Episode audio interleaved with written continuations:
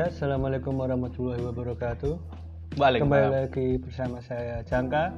Kali ini saya bersama dengan uh, Robi Kepet. Robi Kepet. Akhirnya podcast The Boss kembali lagi setelah sekian lama.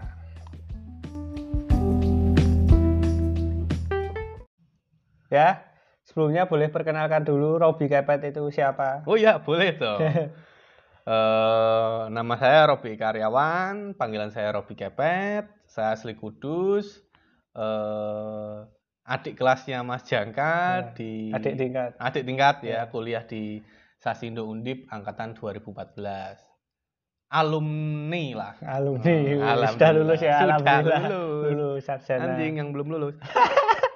Nah, setelah setelah sarjana, nah, saya dengar kabar Anda kerja di agensi. Enggak, enggak di Enggak, agensi. bukan ya? Bukan. Bukan, oke. Terus apa Eh, namanya yang benar? Namanya itu Creative Lab. Creative Lab, oke. ya. Apa bedanya agensi dan Creative Lab? Aduh, apa ya? Eh, Untuk dunia agensi mungkin aku belum paham sih, tapi Ya. untuk Creative Lab ki berarti eh, awal mula dari production house, kemudian dia bisa mengembangkan ide dan gagasan dari sebuah brand ya. yang tidak perlu ke agensi. Jadi kita bisa eh, nge-build itu semua sendiri gitu. loh. Jadi biasanya kan brand memiliki apa namanya eh, campaign. Hmm. Campaign itu diteruskan ke sebuah agensi. Agensi meneruskan campaign itu untuk dijadikan hasil eh, apa namanya? hasil olahannya misal berupa foto, video, Ya. poster, slogan, spanduk dan lain Itu itu ke ke, Creative Lab, ke production house. Tapi eh, kalau di tempatku beda. bukan Nah, production house. Awalnya production house, Ah. sekarang menjadi creative lab karena kita eh, istilahnya mem- mencuil sedikit apa yang biasa agensi la- agensi lakukan, Hmm. tapi kita bisa lakukan keseluruhan Ya. kayak gitu. Sebenarnya kamu paham nggak arti kreatif? Oh, arti kreatif paham. Apa? Kreatif ya kere dan aktif. Itu bukan arti sih tapi eh, singkatan sih, Mas. Ya. Singkatan. Jadi menurutku kreatif ini emang kere dan aktif. Ya. Kere dalam artian eh, orang banyak kan ngomong kreatif. Ah, aku orang ini kreatif, orang ini kreatif. Enggak, Ya. padahal kita semua hasil ciplakan, itu hasil bahasa ATM. Indonesia ya. Padahal kan tadi kita menyebutnya sebagai Creative Lab. Mm. Nah, itu kan bahasa Inggris. Padahal Hmm. sebenarnya makna kreatif dalam bahasa Inggris menurut pemahaman saya loh. Itu bukan kreatif yang bahasa Indonesia yang dari kreasi menjadi kreatif. Tapi Kreatif itu adalah kata benda. Jadi dalam dunia advertising, karena Hmm. saya adalah advertiser. ngeri. Jadi dalam dunia advertiser itu ada yang namanya copywriting dan ada yang namanya kreatif. Hmm. Copywriting itu adalah kata-katanya. Hmm. Sedangkan kreatif itu adalah gampangannya seninya, Hmm. foto, video. Iya, nah, iya, itu iya. namanya kreatif. Ngeri Anda. Nah, itu nggak makanya adanya ada namanya kreatif agensi, ada kreatif Hmm. lab. Kita juga nyebutnya gitu. Jadi itu kalau dalam uh, advertiser uh, misalnya di Facebook ya, ada namanya campaign, ada namanya apa set iklan dan ada Hmm. namanya yang ketiga itu kreatif. Hmm. Jadi kreatif itu adalah ya bagian yang apa? Itu emang muncul pertama gitu loh di periklanan gitu loh. Oke. Ya kan? berupa video, berupa fotonya itu kreatif. Mm. Kita nyebutnya kreatif. Dan kalau nggak percaya sih ya silahkan googling buat pendengar ya kan. Apa apa? Silahkan di googling. Oh, bahkan namanya kreatif fest gitu loh. Ada S-nya gitu loh. kreat kreatifs. Ya kreatif. Karena itu Ah. jamak. Oh Kalau iya. Indonesia kan nggak mungkin. Oh Wah, iya. kita kreatif kreatif nggak bisa. Oh iya iya benar benar. Benar. dia orangnya kreatif. Berarti ada artian. nggak nggak ada kreatif kreatif jamak gitu. Berarti gimana? berarti ada artian maksudnya yang di Indonesia sama yang di, ah, luar. di luar. Itu, itu beda. Beda. Oh. Beda makna. Beda makna, Nah, Bro. ber- berarti kalau di bahasa Indonesia kan itu kan kata sifat.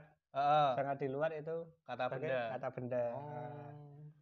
kalau production house, Mantap. nah itu pela- pelajaran untuk para pendengar ya kan. Dan Iya juga iya pekerja betul seni, sekali, betul sekali. Pekerja seni. Karena emang jadi eh, kalau saya sebagai advertiser ya, Hmm, ya iya malah, iya. malah saya yang sharing gitu. Apa? Jadi saya sebagai advertiser itu kan misalnya saya pengen butuh suatu campaign, Hmm. saya malas nih mikir, saya lempar ke agensi. Atau saya sudah punya ide, ya. tapi saya malas malas bikin copywritingnya, maka saya sewa copywriter. Hmm. saya udah punya copywriting, punya ide, tapi males nggak bisa fotografi, nggak bisa Hmm. bikin video, nggak bisa edit. Maka ke kreatif Oke. lab atau kreatif agensi itu sendiri. Kalau production house itu gimana? Bedanya apa? Sebelum dan sesudah menjadi kreatif lab. Sebelum dan sudah sebelum eh, pas produk- production house itu ya kita hanya menerima call dan mengerjakan apa namanya eh semua project dari klien kayak gitu. Kita memenuhi apa yang dimau klien. Ketika udah jadi kreatif lab, eh, kita tahu pengembangan dari itu semua. Jadi Hmm.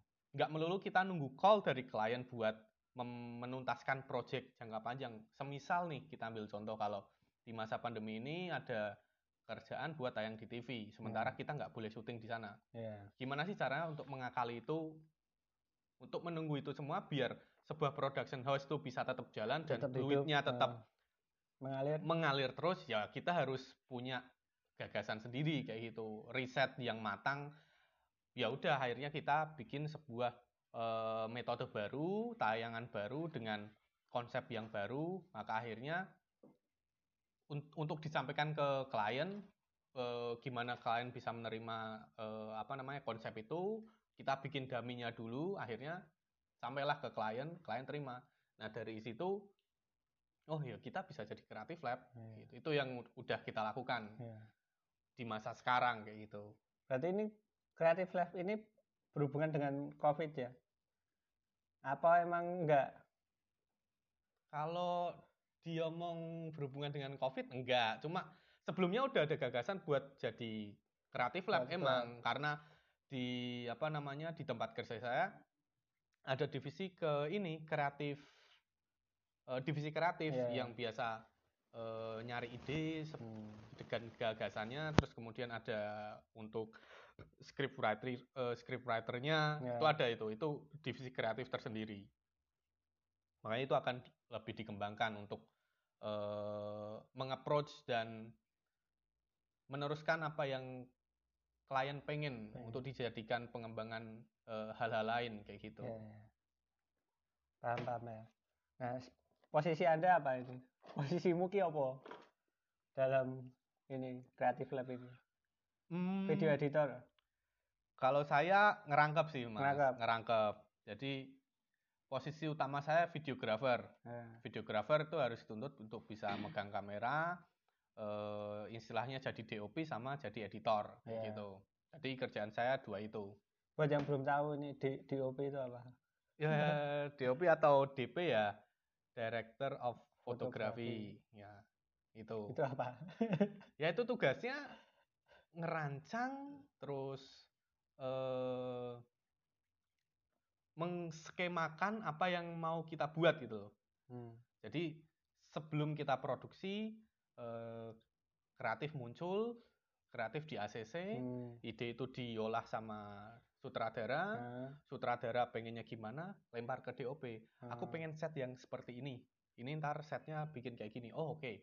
Berarti ntar pengambilan gambarmu kayak gini. Ya udah Hmm. kita mentranslan mentranslatkan apa yang eh, sutradara pengen. pikirkan Nah, secara visual. secara visual. visual. Kita yang nantinya akan menderek gambar itu Nah, secara foto ya. secara foto. Secara foto.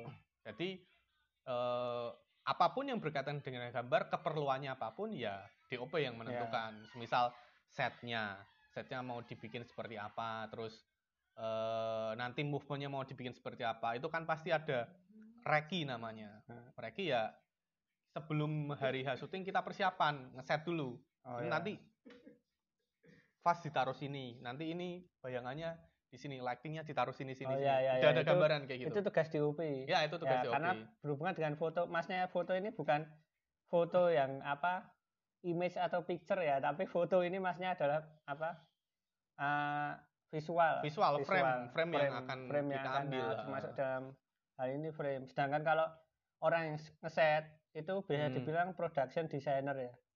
Oh, bukan. Kalau orang yang ngeset itu ada masih banyak sih mas, maksudnya divisinya ada divisi art. Nah, art itu yang menyiapkan propertinya. Ya, jadi setelah director eh, tahu apa yang mau dia bikin, Hmm. kemudian tahu jenis pokoknya untuk pengambilan gambar langsung diserahkan ke DOP. untuk segi lighting juga bakal diserahkan ke DOP. DOP. Tapi untuk segi art atau nanti setnya itu juga akan diserahkan ke DOP yang bekerja sama langsung dengan divisi art. Hmm. Jadi semisal kita mau bikin set eh, ruang tamu atau Ya. kamar jenazah kayak gitu. Apa aja sih ornamen yang ada di situ? Ya. Eh, ya Tapi itu ornamennya itu namanya art. itu art Art.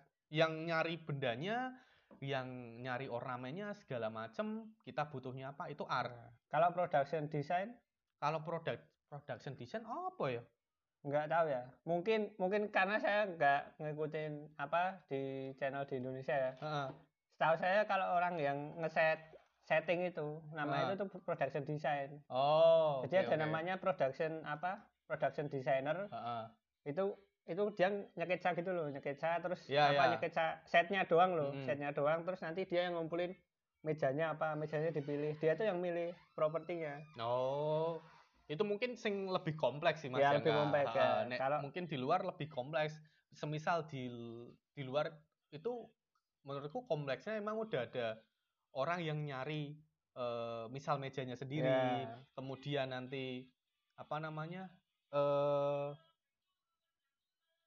bukan Apa? make up sih, semisal efek gitu. Ah. ada divisi efek sendiri, Ya, ya, semisal emang. Efek bom, Ya ya. ya kan efek asap itu ada sendiri Ya itu Jadi- emang ah, nah tapi itu satu satu kesatuan gitu loh nah production design gitu loh. Mungkin Hmm. kayak orang art, mungkin Ya, kalau ya. di sini nyebutnya art. di sini art sih kalau kalau di tempat saya itu art Ya. nyebutnya art merangkup ya itu tadi tempat terus Kalau saya juga lihat ya di dokumenter apa kalau dokumen apa behind the scene gitu film-film biasanya punya juga art bukan production design Hmm, kalau sedangkan saya, ketika saya lihat channel luar itu bilangnya production design. Hmm, termasuk misalnya pecahan kayu pecahan kertas Ya, ya. misalnya.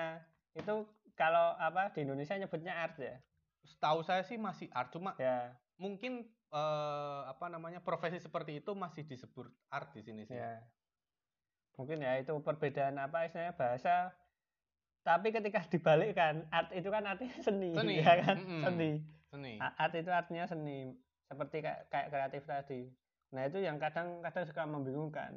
Iya, mendingan benar. kan di apa di translate sekalian gitu loh. Ke kan bahasa Misalnya- Indonesia nah kayak misalnya gitu. kayak director. Ya jadi sutradara.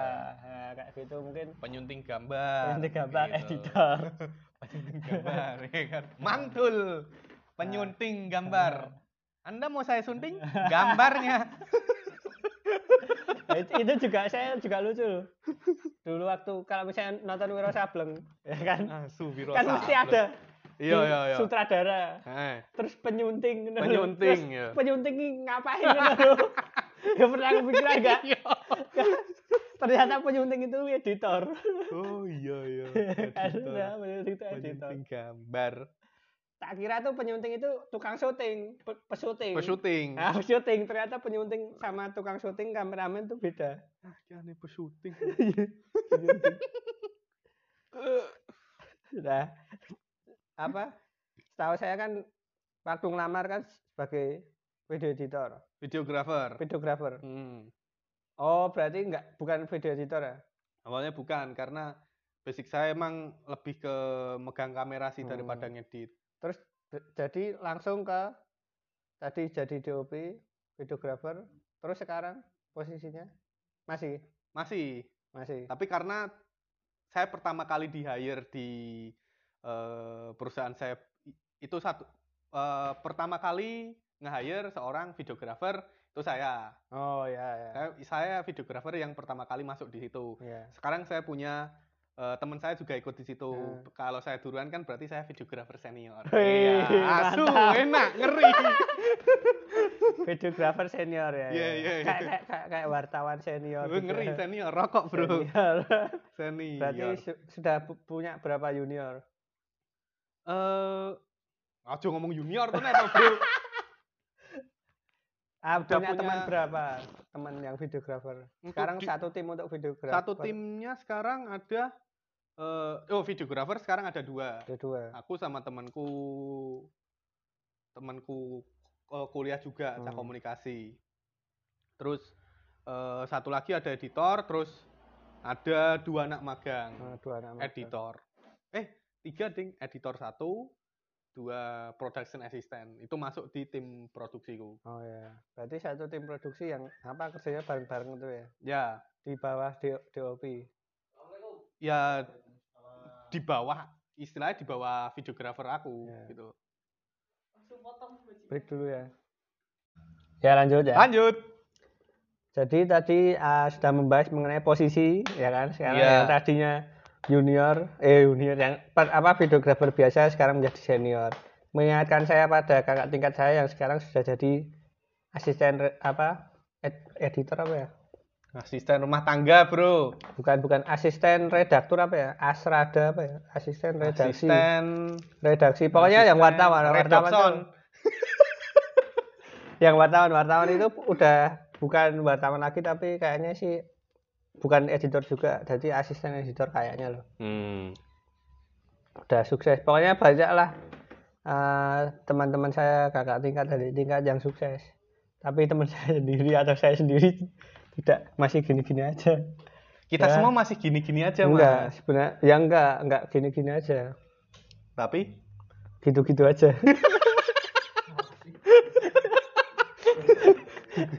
Eh, maaf maaf nih. Nggak jelas. Banyak ya banyak nggak yang eh, istilahnya setelah kamu kamu udah berapa kali pulang kampung?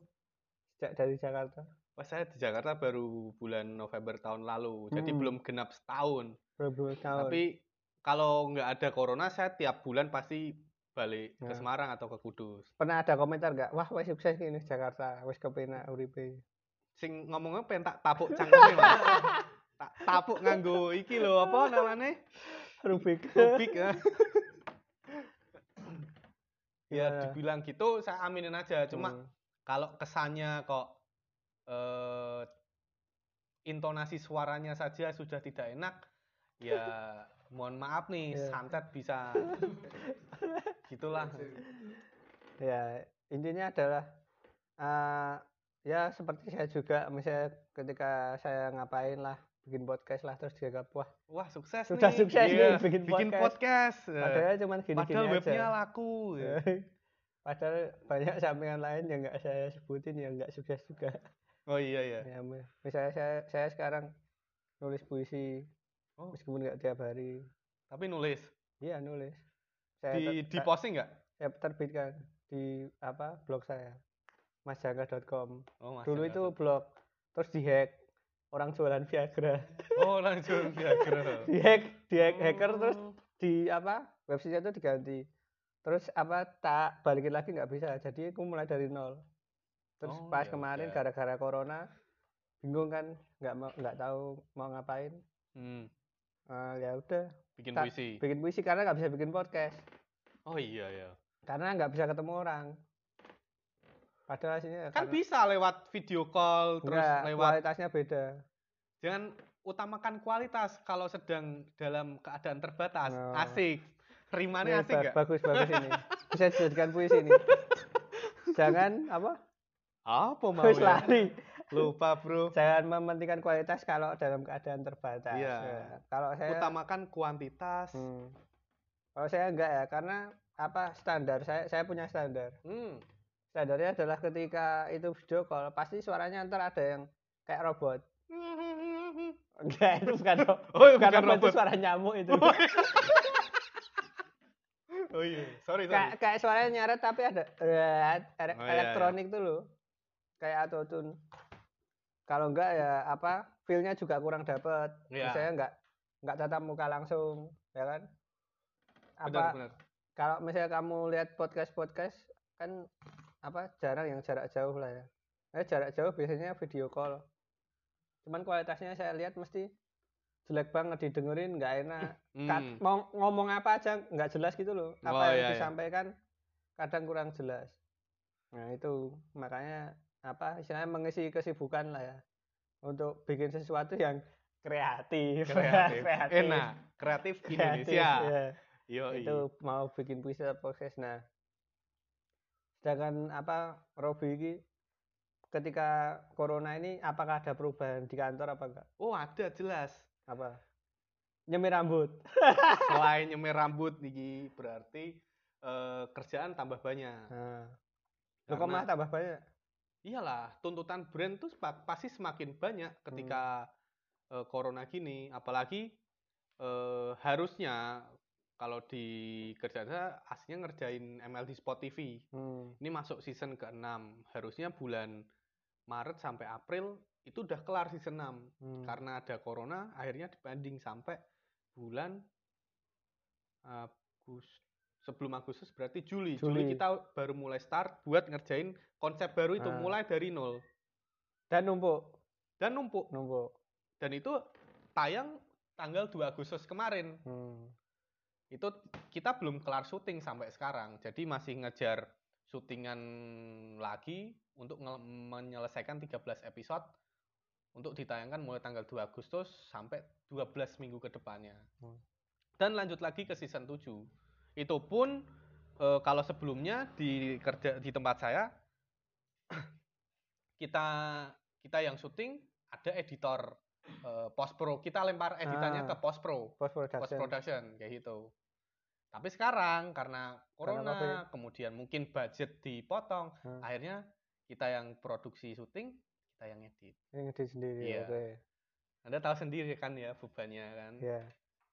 Istilahnya kalau misalnya kita apa nggak ngedit ya, kayak podcast ini kan enak.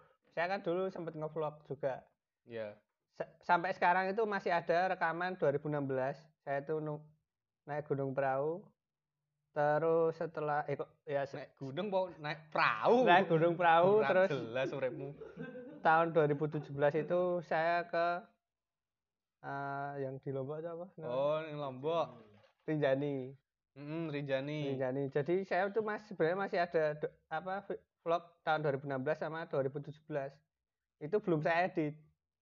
Karena males. Nah, itu saya tahu perasaannya gitu loh. Orang yang produksi sekaligus ngedit. Kalau misalnya cuma produksi tok, misalnya syuting tok lah ya, ngevlog Iya. tok. Terus editnya kelempar ke orang lain tuh bebannya ma- masih bisa ditolerir lah, Hmm. masih ringan.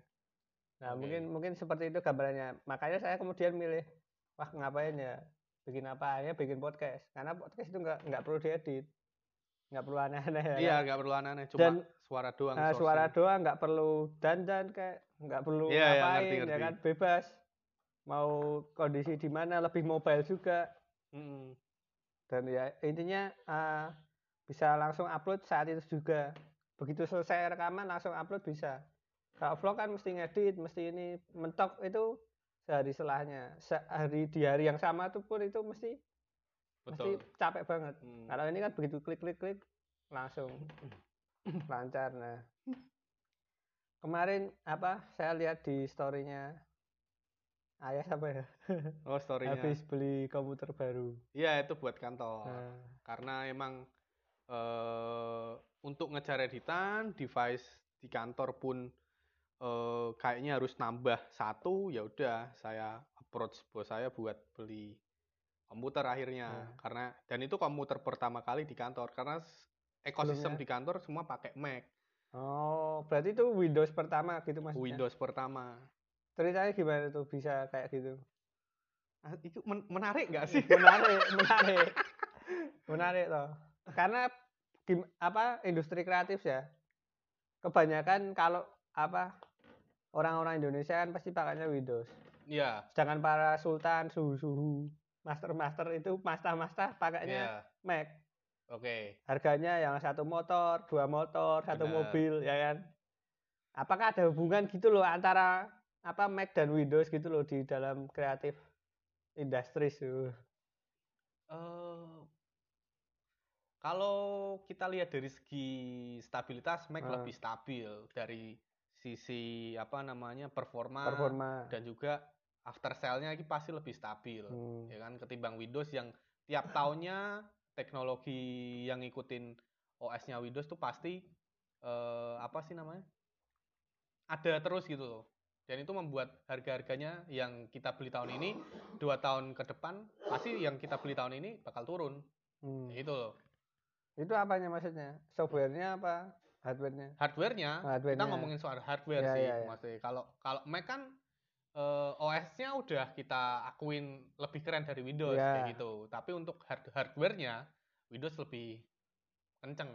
Enggak, tapi kan me- menurut teori Hmm, apa sedangkan pada kenyataannya misalnya ya RAM 2 GB punya Mac sama RAM 2 GB punya Windows itu cepetan RAM 2 GB punya Mac. Emang iya? Ah, mungkin kamu perlu apa lebih banyak menonton channel. Channel-channel review. Jadi kayak gitu. Emang Tapi secara spek itu no no no no. Windows. Kemarin iki Hmm. gini ada case ya. Ya ya. Aku pakai iMac ki. Ah, iMac 2017 ah, 27 inci 5K Retina Ah. ya kan. Pakai RAM 8 GB. ah, Sementara aku ngedit di PC Windows, Ah. RAM-nya sama 8 GB. ah. Tidak ada masalah. Ketika aku ngedit eh, project yang sama di Mac, eh, ketika itu udah overload, langsung restart sendiri. Sementara di Windows enggak. Tapi secara usia sama. Secara usia sama. Oh, iya. Akhirnya eh, iMac kemarin harus di-upgrade RAM. Oh ya. Dan itu harganya lebih mahal ketimbang upgrade RAM di Windows. Suara motor edan, bro. Ngeri. Ya. Rasa dikat. Ya seperti itu. Apa? Jadi secara teori kadang bisa aja RAM-nya sama, tapi kan spek-spek yang lain kan nggak tahu. Iya. Misalnya itu. prosesornya atau apa Heeh. yang harus saya sendiri.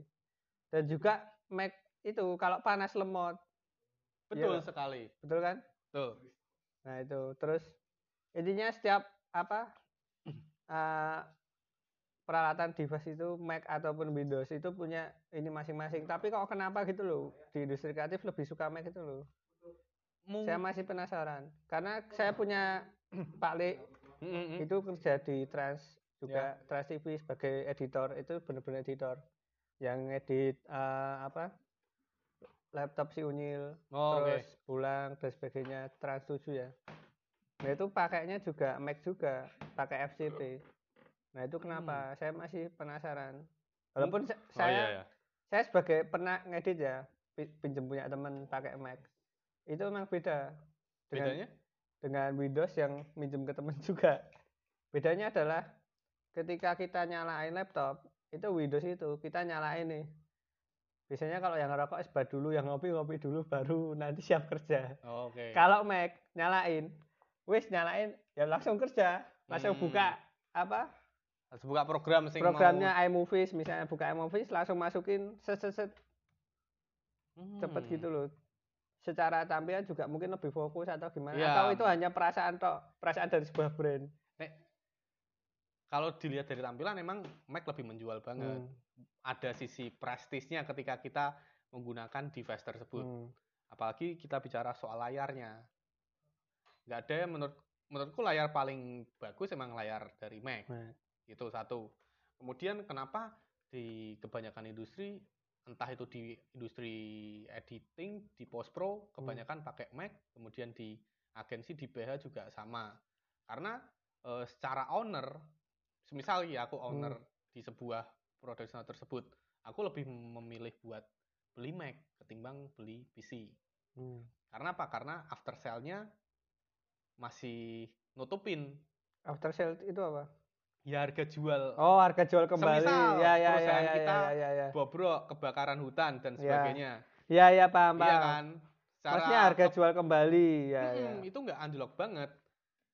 Maksudnya ah, saya kira maksudnya after sales itu layanan purna, purna jual itu after sales service. maksudnya kayak misalnya kayak garansi terus udah rusak. Ternyata itu maksudnya after sale itu dijual kembali. Dijual kembali, iya. Harganya lebih stabil. Stabil kalau Mac tuh. Ya, ya, ya. Makanya kemarin setuju. saya beli eh, PC Windows. Kenapa? Karena emang lagi butuh cepat. Hmm. Ketimbang budget 15 juta untuk beli Mac bekas. Saya pikir kok Mac 15 juta dapat Mac Mac bekas tahun sekian. Hmm. Sementara aku bisa eh, nge-approach buat apa namanya hardware yang terbaru di tahun ini, tapi dengan sistem operasi Windows dan PC. Hmm. Gitu. Nah itu bisa cerita nggak kemarin apa build-nya apa aja? Hmm, RAM-nya berapa? Eh, 15 pro- juta itu dapat apa lima- aja itu? aslinya 14 juta. Ini 14 masih juta. sisa sejuta. Nah, eh, buat dikorupsi. bukan korupsi, Bro. Raimu. Asu ya, jang jang. itu kita 15 juta itu belum sama layar, jadi Ah. uangnya aku sisain sejuta buat beli Layar. layar. Nah, nantinya mungkin aku minta tambahan lagi buat beli monitor sih Iya. memang 14 juta itu kemarin eh, AM pakai prosesor AMD Ryzen AMD. 5 3600X Ya. terus pakai motherboardnya ASRock Nah, so. P450 Steel Legend Hmm. kayak itu soalnya kece banget motherboardnya kemudian pakai SSD bukan SSD M.2 NVMe Apa itu bedanya? kalau SSD dicolokin ke SATA Ah. kalau M.2 atau NVMe langsung nempel ke motherboard Oh iya iya iya, iya, iya, paham paham. paham. terus pakai itu SSD-nya dari Cleve 512 GB Hmm. nggak pakai hard disk Ya. kemudian pakai RAM dari Cleve 16 GB Ah. Sampai tiga. kemudian power supply-nya Be Quiet 600 watt plus bronze eh Plus. iya bronze terus apa lagi oh VGA-nya pakai RTX 2060 Ya, VGA udah ya. casingnya aku lupa namanya apa Itu habis 14 juta. 14 juta Windows-nya palsu nah, Windows-nya Ya, palsu Setuju, setuju. Windows-nya Windows-nya crack. crack lah. Bukan WM, bukan beli di Tokopedia. bukan crack lah Crack lah, full, crack full, lah. full crack. full crack yes Mantap. In- itulah intinya kita kan sebagai orang apa? Kreatif ya harus harus kreatif. Iya Nge-crack ya. kiri and aktif Sebagai ah, warga kreat- kreatif kan kita nggak nggak kiri. Maksudnya apa sih? Otak kiri maksudku.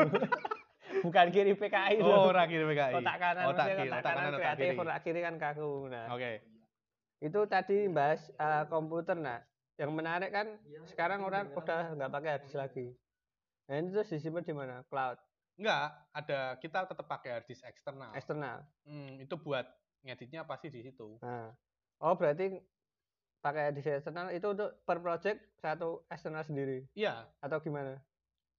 Ada tiga device. Nah, itu ada empat hard disk. Hmm, Eh, satu tayangan itu ada di satu hard disk masing-masing kayak gitu. Siapa yang edit itu ada ada projectnya tersendiri di hard disk tersebut gitu. Terus kalau misalnya udah selesai dihapus enggak dong itu Arsip. dijadiin arsip. Di? Dan ya di disk itu dijadiin oh satu dulu ya ya. semuanya di copy dulu ke jadi satu hard disk kalau semua arsipnya udah terkumpul eh, mungkin hard disk yang lain bisa diformat lagi buat dipakai edit lagi. Kemudian beli hard disk satu lagi buat eh, ini nambahin hard disk lagi memo eh, Hmm. storage lagi. Kalau penuh beli harddisk lagi? Mm-mm. kenapa nggak pengen bikin ser- server kayak Agung Hapsah wah kayaknya belum bisa mas. Per- saya nonton kan video nonton nonton nonton nonton. Dia punya server sendiri Server di server. kamarnya loh. Iya. Itu kan gila. Padahal cuma buat ngedit video loh. Padahal projectnya ya itu itu ya kayaknya. Enggak dia udah punya kelas level Asia kalau nggak salah. Hmm. ngeri. Aku lu- lupa namanya apa e-course Hmm. e-course kelas. Ngomong bahasa Inggris dia. Terus Hmm. murid-muridnya itu kalau nggak salah si Asia. Mungkin karena kalau bahasa Inggris ya mesti ya worldwide Hmm. jadi dia apa ada proyek-proyek yang di luar YouTube yang apa kita nggak tahu tapi sebenarnya itu duitnya lebih banyak dari YouTube kayak Oh. kemarin saya juga sempat bikin e-course apa juga ah apa? e-course pembuatan website jadi Banyak saya ngajarin ya lumayan 30 orang dengan harga 299.000 Kenapa nggak daftar di Karya Karsa aja bro? Jadi Apa? kreator di situ. Ya enggak. Saya kan punya komunit- komunitas sendiri. Oh oke. komunitas sendiri. Jadi apa jualannya? Punya metode sendiri punya terus tujuannya kan purpose-nya kan kalau website kan umum. Sedangkan Ah. yang saya ajarkan itu kan untuk bikin toko online. Oke. karena emang fokus saya sejak 2013 itu kan toko online. Hmm. sampai sekarang. Nggak kerasa. Udah tujuh tahun. Di dunia jualan online Sulit banget. ya lumayan lah lebih lebih lama daripada kuliah saya nah intinya kalau untuk server belum kepikiran ya Belum, karena buat nge-approach ke situ kayak kita belum butuh banget sih. belum butuh ya karena harddisk masih cukup Iya, artis masih cukup. Koneksi internet yang dibutuhkan harus lumayan gede. ya Kemudian eh, tegangan listrik yang nah itu benar setuju kayak tai itu nggak bisa benar harus melonjak lah tiap bulannya pasti. ya masalah server itu kan masalah pertama pendingin jelas itu Ah. harus pakai AC ya kan Pakai AC. listrik listrik apalagi kalau listriknya biarpet nggak bisa Ya, terus yang ketiga bandwidth ya, bandwidth Indonesia itu masih kurang kurang banget. masih kurang banyak Kecuali kosan saya, kosan saya Jakarta, internetnya kayaknya paling kenceng se kecamatan sih, nah, Mas. pak- pakai apa Pakai apa sih namanya? oksigen Oksigen, Oksigen, Moratelindo. wih. Yoi. Masa download GTA 90 giga cuma setengah jam, Bro. Wih. 90 giga setengah jam. 90 giga setengah jam. itu kayak dulu itu kayak mimpi ya kan Iya. karena ketika saya dulu fase-fase flashback pakai smart yang belum ada friend-nya ya kan Hmm. pakai sem- apa pakai semar warnanya hitam merah Ya, ya, kita ya. nyebutnya modem semar itu cuman 50 kbps itu 50 download kbps. pakai IDM iya. 100 Betul sekali. ya kan Sekarang sekarang sudah MB MB udah MB ya lah kan per, per, per detik loh itu loh 70 megabyte lah. 70 terakhir. megabyte Terakhir, itu terakhir. 70 megabyte oksigen ya Iya, oksigen Oke, itu. mantap. Itu harus pakai kabelan tapi Hmm. makanya saya selalu pakai kabelan pas ada PC gitu. kalau di speed test berapa Oh, mentok itu jebol. langsung sekali speed test langsung mapet dah. Udah nggak ada ininya, indikatornya. Ah, Udah full mentok kayak matahari langsung melingkar gitu. serius Sumpah. terus keluar ini Ya pasti beda-beda, Mas. tapi di itu kok komputermu apa laptopmu apa apa malah Di komputer nah komputer berapa oksigen oksigen piro ya? 100 Nyampe 100, 200 100, 100. 100 Tapi lebih kencengan upload ya, setauku. Oh ya nggak nggak imbang ya Keimbang, pasti nggak imbang. berarti yang nyaingin yang di Semarang itu yang bisa 100 itu My Republic My Republic ya. ya itu saya dulu pakainya My saya, Republic saya juga pakai My Republic terus. ya yang apa yang sebelumnya nggak dibayar terus bayar itu ya. Oh ya jelas. Bajingan emang itu yang punya kontraan. Masa saya nempatin kontraan ada kontraan tunggakan, baru tunggakan internet My Republic dari mereka yang belum dibayar. Saya masih ingat namanya Hasan sih. Eh, Fakultas Peternakan kalau nggak salah itu nggak mau bayar internet My Republic. terus pasang baru nggak bisa Pasang baru nggak bisa. harus diterusin harus, harus dulu dibayar dulu akhirnya saya sama teman-teman iuran nge 600 atau 900 ribu buat ngelunasin tuh baru bisa baru bisa pakai internet Republic mang kontol sih ya. Nak peternakan namanya Hasan. aduh, aduh. Peternakan undip. Wah lupa ya, Fresh Hasan. Fresh Hasan. Oh, itu apa kali-kaliku dunia kreatif komputer internet listrik biarbet Pernah untuk, untuk ngalamin- produksi. Ah, gitu. pernah Hmm. nggak ngalamin ketika produksi ngedit apa ngapain listrik mati di Wah. Jakarta Oh, kalau Jakarta eh, belum. belum ya Kak? di Jawa Tengah sering Kalau di Semarang sering. Sering, sering banget kalau sih. di daerah ya itu apa risikonya industri kreatif kalau di daerah itu selain uh, terkendala baterai terkendala internet Hmm. kendala macam-macam makanya nah ini juga yang menjadi pertanyaan saya gitu loh kenapa banyak agensi atau production house atau creative lab itu Hmm. posisinya di Jakarta gitu loh nggak di daerah Duh, karena adanya sentralisasi, Mas. nah, sentralisasi Iya dong, nggak bisa mereka semua eh, beralih ke Jawa Tengah untuk mengeprot semua perusahaan. oh, iya, iya. Harus ada karena di sana sentralisasi, semua induk perusahaan ada di sana, pusatnya di sana, ya mau nggak mau Tuhan ada di sana. uang ada di sana Iya, uang Ya. ada di sana.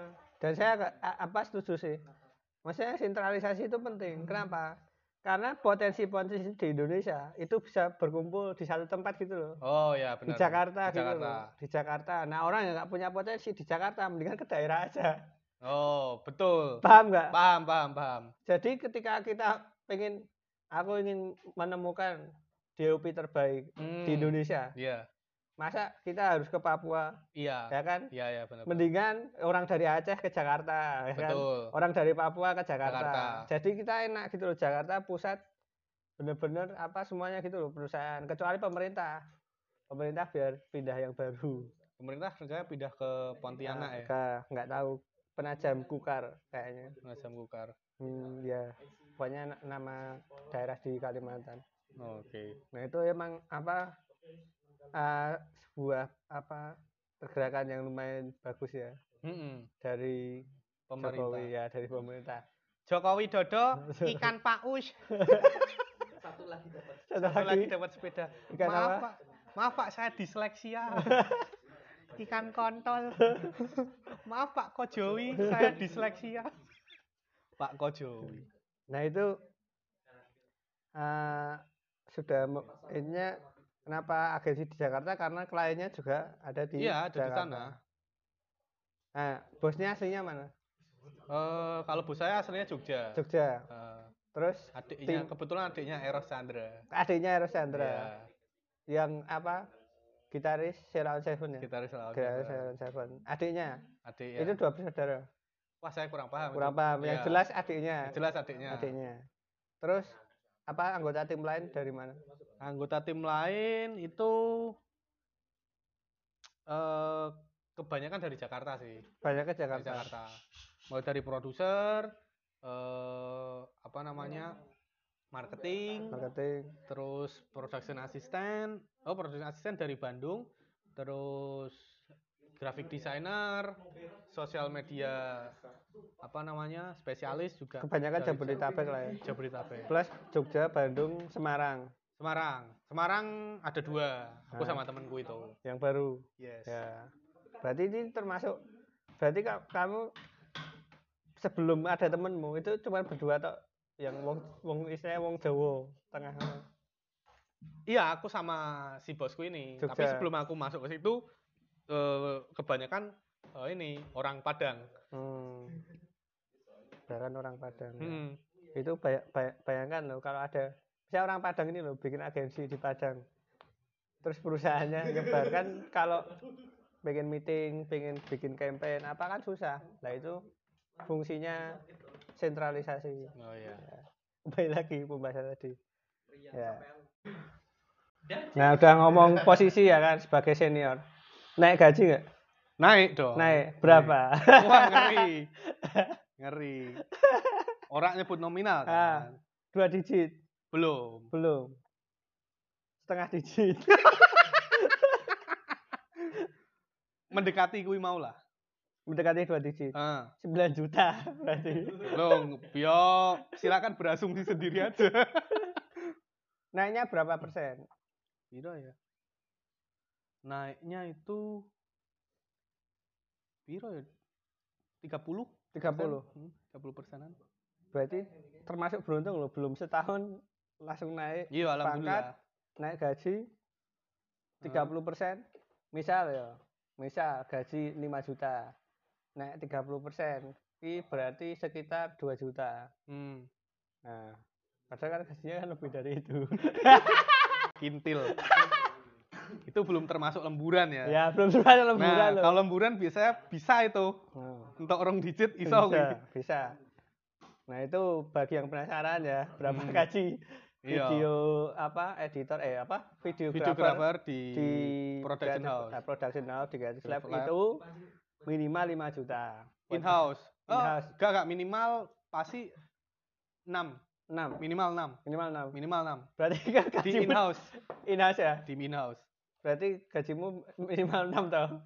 Minimal, minimal laut. Rata-rata segitu, minimal Ya, ya, segitu.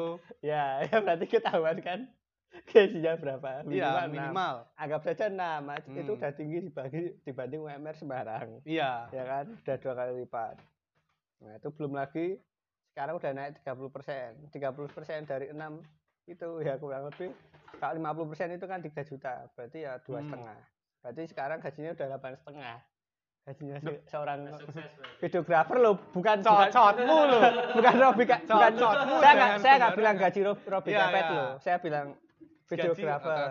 Beda lagi kalau freelance. beda lagi kalau freelance Kalau freelance jadi DOP, gajinya bisa dua digit. bisa dua digit mah Iya. kenapa Ya karena dia jual jasa dia sendiri, tidak mengatasnamakan sebuah creative lab atau production house. oh Jadi, ya ya ya Semua kru, semua alat dia yang nanggung. Hmm. Jadi misal eh, aku ada syutingan nih eh, brand ini Pampers dan lain-lain. Ya udah, sutradara atau produser manggil DOP, DOP-nya siapa? Misal DOP-nya satu ah Dimitri, misal Dimitri. Dim, aku ada ini ini ini ini eh, prosesnya segini tanggal sekian, budgetku segini, masuk nggak ke kamu? Hmm. Ngobrol dulu ke sutradara, apa aja yang dibutuhin, kemudian oh yaudah budgetnya segini. Misal budgetnya buat DOP aja 15 juta. Ya.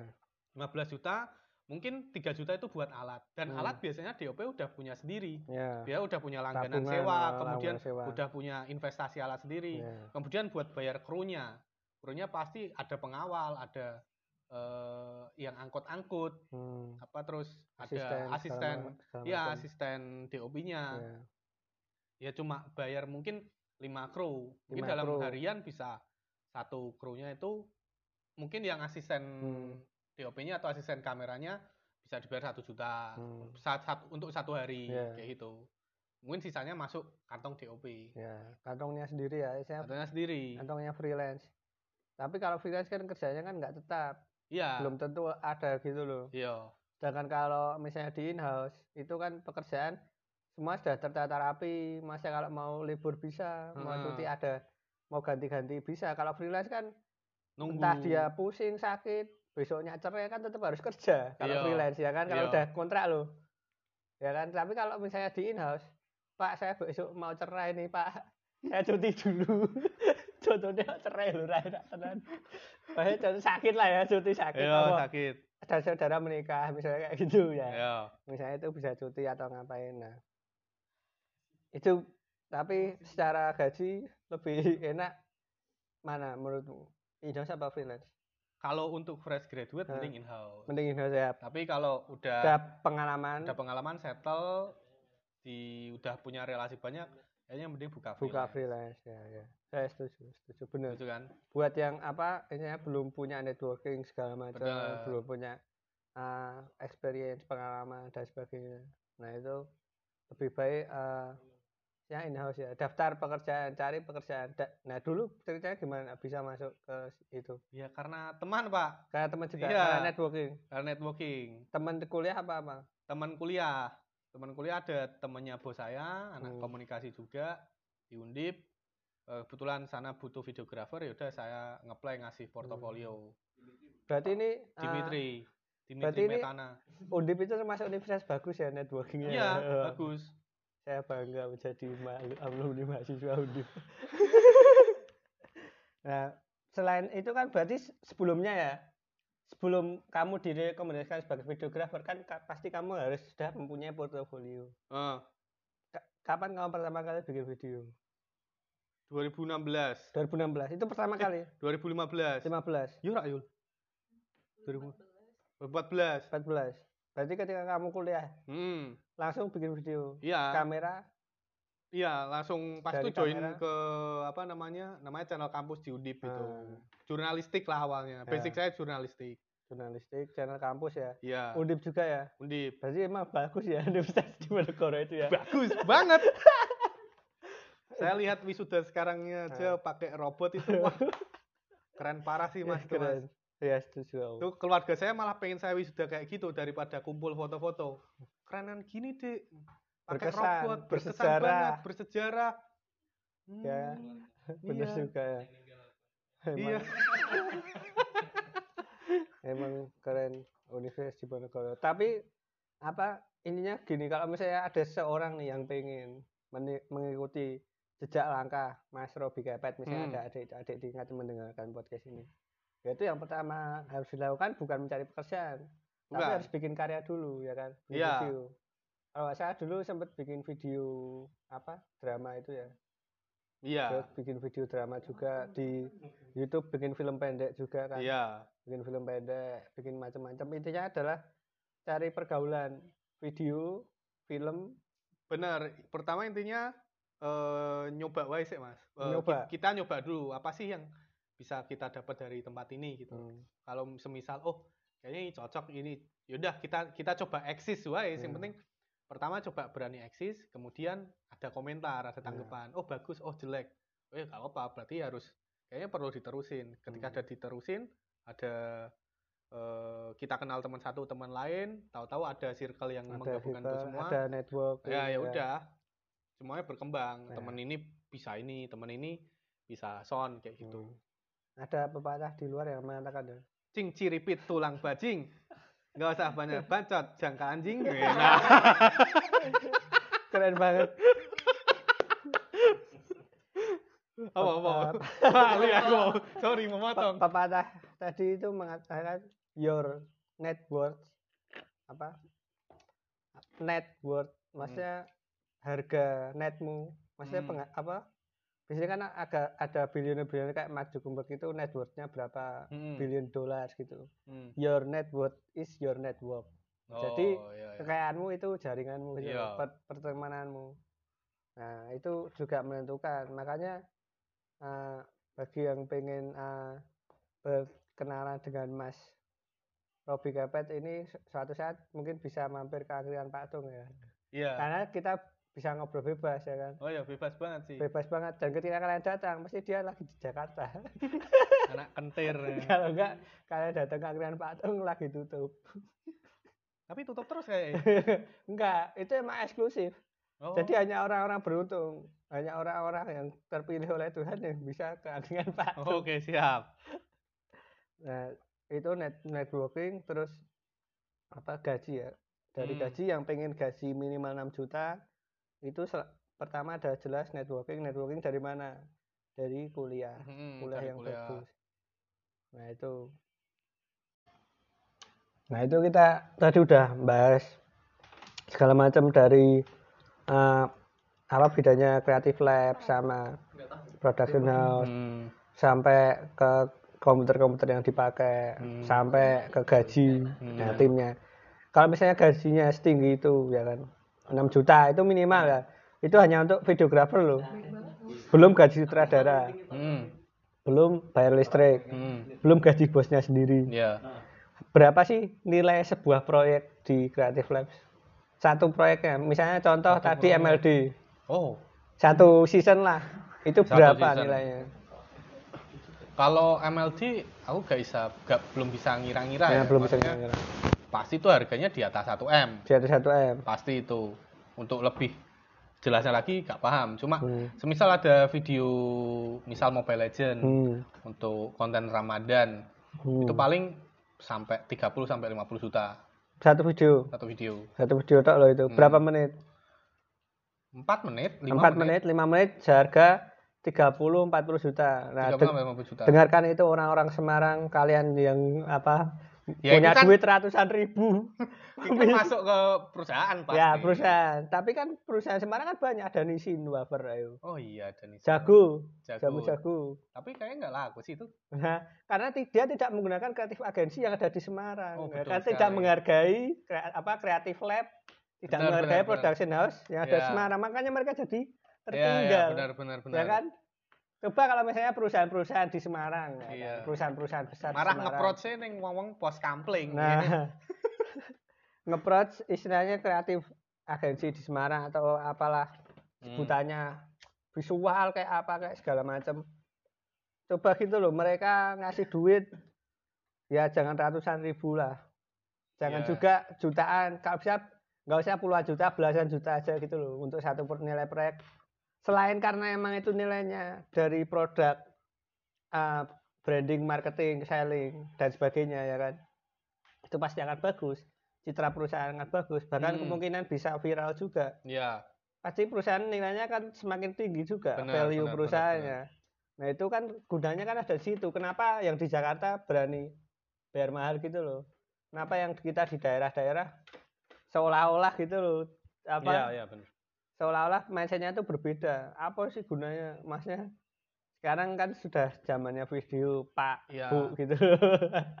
Kalau menurutku gimana? ya mungkin kurangnya edukasi sih mas Edukasi. Maksudnya edukasi kepada mungkin perusahaan-perusahaan di daerah, Daerah. gitu loh maksudnya perusahaan ya misalnya disebut tadi Jago Nisin atau sebagainya mungkin mereka udah punya eh, kreatif sendiri Hmm. marketing buat ngurusin brand mereka sendiri atau In-house ya berarti ya? ya atau mereka cukup sampai situ aja gitu Hmm. loh tidak perlu branding yang segala macam misal Ya, seperti ya. itu aja tapi untuk eh, kebanyakan perusahaan misal kayak Jarum mungkin sepenangkapan saya ya udah Nah, itu, bakar, pada itu- bakar duit aja ya. gitu karena keuntungan mereka juga harus ada dampak di eh, sosial atau di apa ya itu karena dari situ untuk bersaing dengan rokok lain yang mereka juga intinya bakar duit makanya terciptalah program itu dari rokok belum Ya, dari karena rokok, lain. rokok kan emang dibakar. Iya sih benar benar Dan itu perusahaan daerah loh, Hmm. Jarum. Kayak gudang garam itu kan perusahaan kediri. benar cuma kan profitnya sendiri Hmm. balik lagi dong Ya. apa namanya eh nilai sebuah eh, apa sih namanya produk yang mereka jual Hmm. apakah sudah bisa dipakai banyak orang atau eh, dikonsumsi banyak orang udah memiliki pengguna setia Hmm. Kualitas gitu. produknya. kualitas produknya Kualitas produknya. Mm-mm.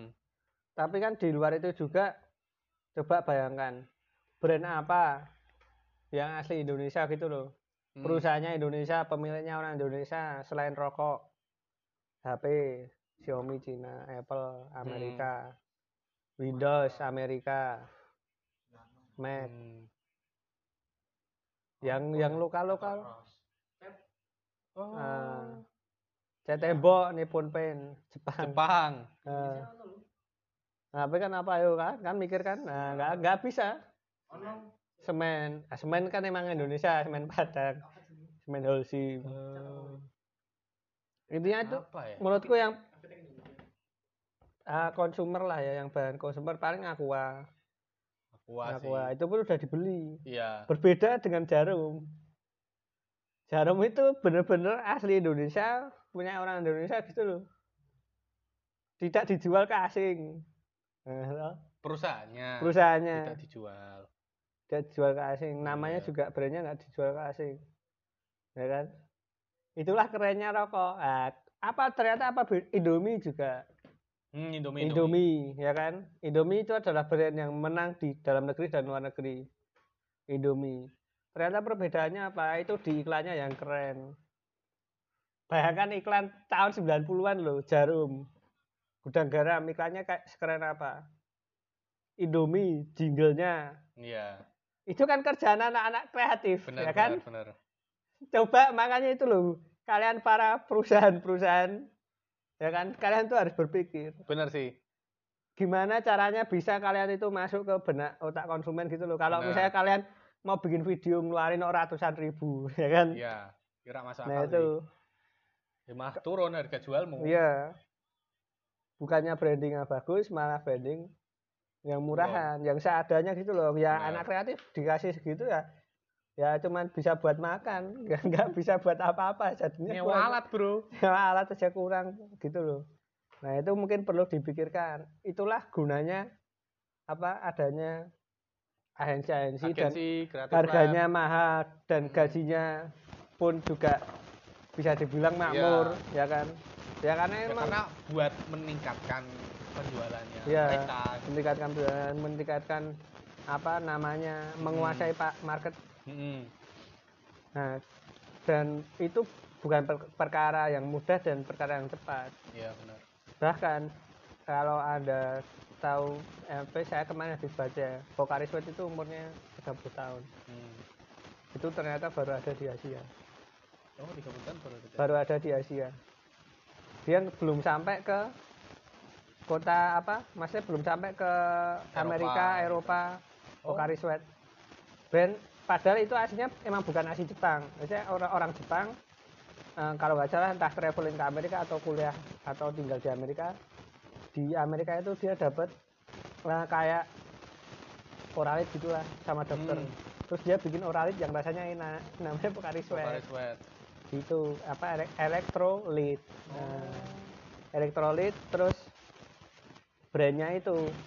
Di setiap negara itu beda jadi kalau di Jepang itu awalnya itu itu kan minuman untuk kesehatan sebenarnya Ah. untuk orang sakit butuh cairan nah kalau di Jepang itu untuk hangover Hmm, oke oke. jadi mereka ngeproduksinya itu hangover Oke. sedangkan di apa Filipina orangnya mabuk hangover di Indonesia beda Oh, di Indonesia. karena orangnya mayoritas muslim Iya, iya, iya. nggak bisa dong apa bar mabuk ngombe Pocari Ngombe Pocari Sweat. Sweat, ra nggak iso. bisa. Karena Oh, lagi iya, band kafir haram ya kan? Pocari Sweat band apa brand kafir haram nggak bisa. Iya, iya, maka mereka adalah untuk mengganti cairan ketika berpuasa. Oh, benar. nah, itu. Itu otak-otak siapa? Otak-otak kreatif. Kreatif. kalau cuma dibayar ratusan ribu nggak nyampe. nggak nyampe. Benar, benar, benar. itu wah. Sampai itulah. ada ini ya, apa namanya? Eh produk Pocari Sweat sing Ponari Sweat ya nggak sih. nah itu emang lo lebih keren lagi sih itu itu dari Zeus itu Dari Zeus itu titisan Zeus itu penari sweat cemplungi kerikil apa namanya? Bangunan ya, Mas. Iya. kayak. batu meteor meteor dari Zeus itu By the way, Ponari udah nikah ya? sekarang ya, Iya, ya Ponari. Ponari. selamat ya Ponari Wis ya. nikah, Pak. Sumpah. Ditunggu omongannya Ditunggu ngomongannya. Semoga lihat beritanya dahulu bapaknya si Ponari ini. nah keren. Suatu peristiwa bersejarah. Goblok. nah. Ya itulah ngobrol eh, ngalur ngidul panjang lebar tentang dunia kreatif. Mungkin ada pesan-pesan dari Mas Kepet. Kenapa namanya Kepet? Ini pertanyaan terakhir Oh, kenapa ngeri. namanya Kepet Karena itu semacam eh apa sih namanya? Kayak semacam paraban eh panggilan apa kayak senjata makan tuan aja sih, Mas. oh kok Jadi aku bisa? jadi aku pas SMP apa SMA ya Hmm. sering ngomong eh kepet gue sih. Gue kok kepet Hmm. banget sih. Jadi aku dipanggil gitu. Hmm, dipanggil Kepet gara-gara Ah, sama orang sering- tua. hah serius Ya lah. Kepet sama teman-teman ya Iya. dan kamu bangga ya gak bangga sih aslinya biasa aja Nah, gitu. biasa aja, tapi Pak. tapi menurutku ketika orang punya nama panggilan lain wi keren bukan keren eh jadi gak terlupakan siapa ya aja yang ya memanggil benar itu gitu. itu adalah brand juga iya benar diferensiasi ya kan Bener. namanya kepet kepet itu cuma ada Robby kepet tok kalau Robby banyak iya kan? benar Pattinson ya kan? Robby Eka ya Robby Downey Junior, Junior. ya kan? Apa? Nah, banyak banget lah Robby Robby yang lain ya kan. Iya.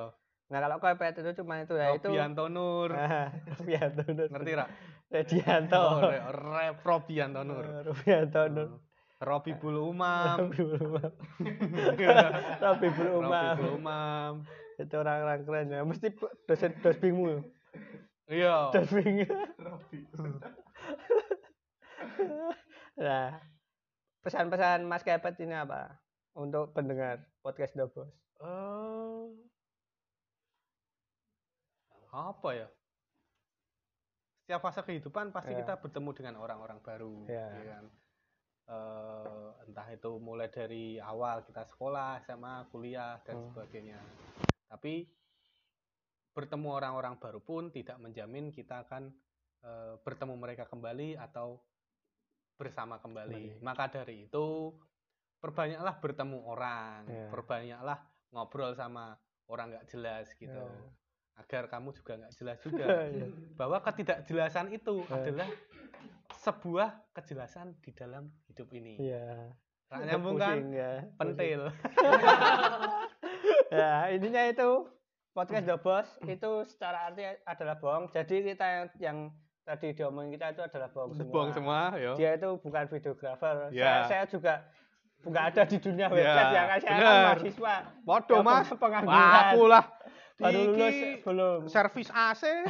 itu semua bohong semua ya. Bohong semua Nah, ini tadi. Intinya adalah ah, ambil yang baik ya kan buang Ya, yang buruk, Buruk, ciptakan yang baru. Ya. Ya, ciptakan itu kreatif. kreatif ya kan? banget. Ambil yang Mantul. baik, buang yang buruk, ciptakan yang baru. Terima kasih. ah, sekian dari saya Jangka dan Wabillahi taufiq hidayah dari Robi Kepet. Pet ya. Terima kasih sudah mendengarkan podcast Boss. Assalamualaikum warahmatullahi wabarakatuh.